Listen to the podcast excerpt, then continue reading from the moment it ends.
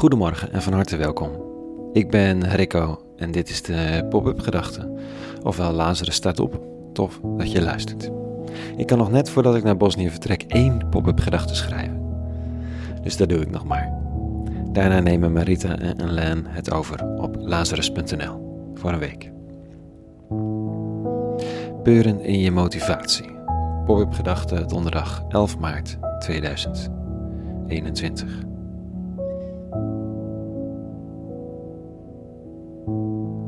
Waarom doen we de dingen? Waarom ga ik zo richting vliegveld? Naar Bosnië?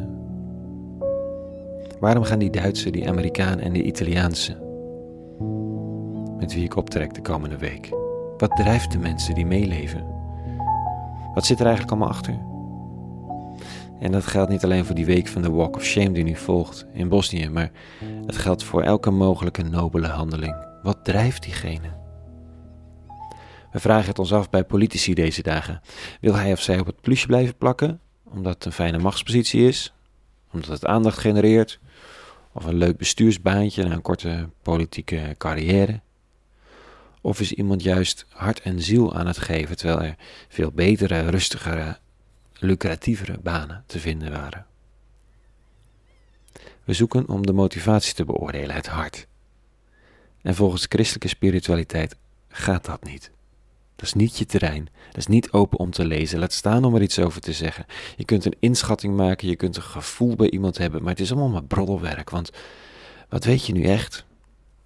Wat weet ik van mijn eigen hart? Jezus van Nazareth wordt nogal eens geconfronteerd met argwaan. Vandaag staat er dit. Eens dreef Jezus een duivel uit die stom was. Zodra de duivel was uitgedreven, kon de stomme weer spreken. De mensen stonden er verbaasd van. Nou, het is vrij droog geformuleerd. Blijkbaar verbaast die duivel die stom is niet per se, maar zijn uitdrijving wel. Ik vind beide best bijzonder. Dan gaat het verder met. Maar enkele van hen zeiden: Ja, door Beelzebul, de vorst der duivels, drijft hij de duivels uit. Maar hij kende hun gedachten en sprak tot hen: Elk rijk dat innerlijk verdeeld is, vervalt tot een woestenij. Het ene huis valt op het andere. Als nu ook de Satan met zichzelf in strijd is, hoe kan zijn rijk dan stand houden? U zegt immers dat ik door Beelzebul de duivels uitdrijf. Maar als ik door de vinger van God de duivels uitdrijf, dan is inderdaad het rijk Gods tot u gekomen. Nou, daar is geen woord Frans bij. Behalve Beelzebul. Dat zal wel de naam van een soort duivelsvorst zijn in het collectieve voorstellingsvermogen van die dagen. Het punt is, als de krachten van het kwaad zich inzetten om het goede te doen, dan bestrijden ze zichzelf. Dat wordt sowieso een ondergang. Zeg maar dag tegen de complottheorie en het motivatieonderzoek. Goed is goed.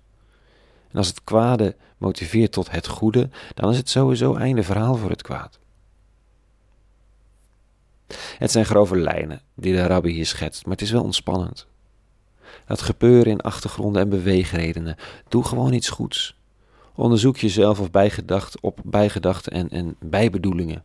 Leer om het ook beter te doen, maar maar laat daarmee ook het goede op zichzelf staan. Want als elk goede dat wordt, want elk goede dat wordt gerealiseerd, is terreinwinst.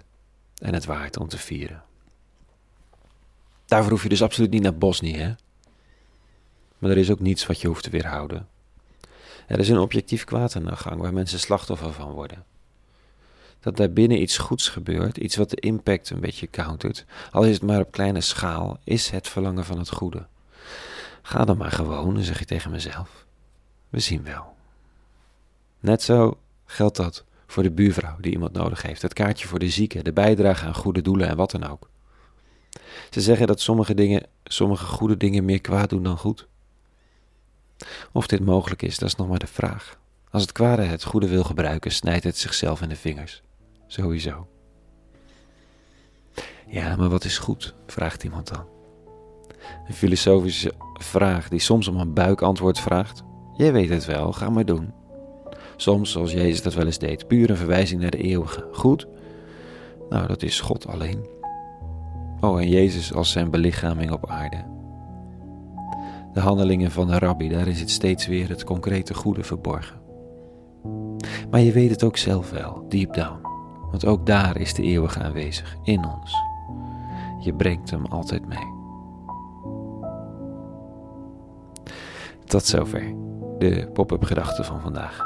Nu wel echt de laatste voor vertrek. Een hele goede donderdag gewenst en vrede. En alle goeds.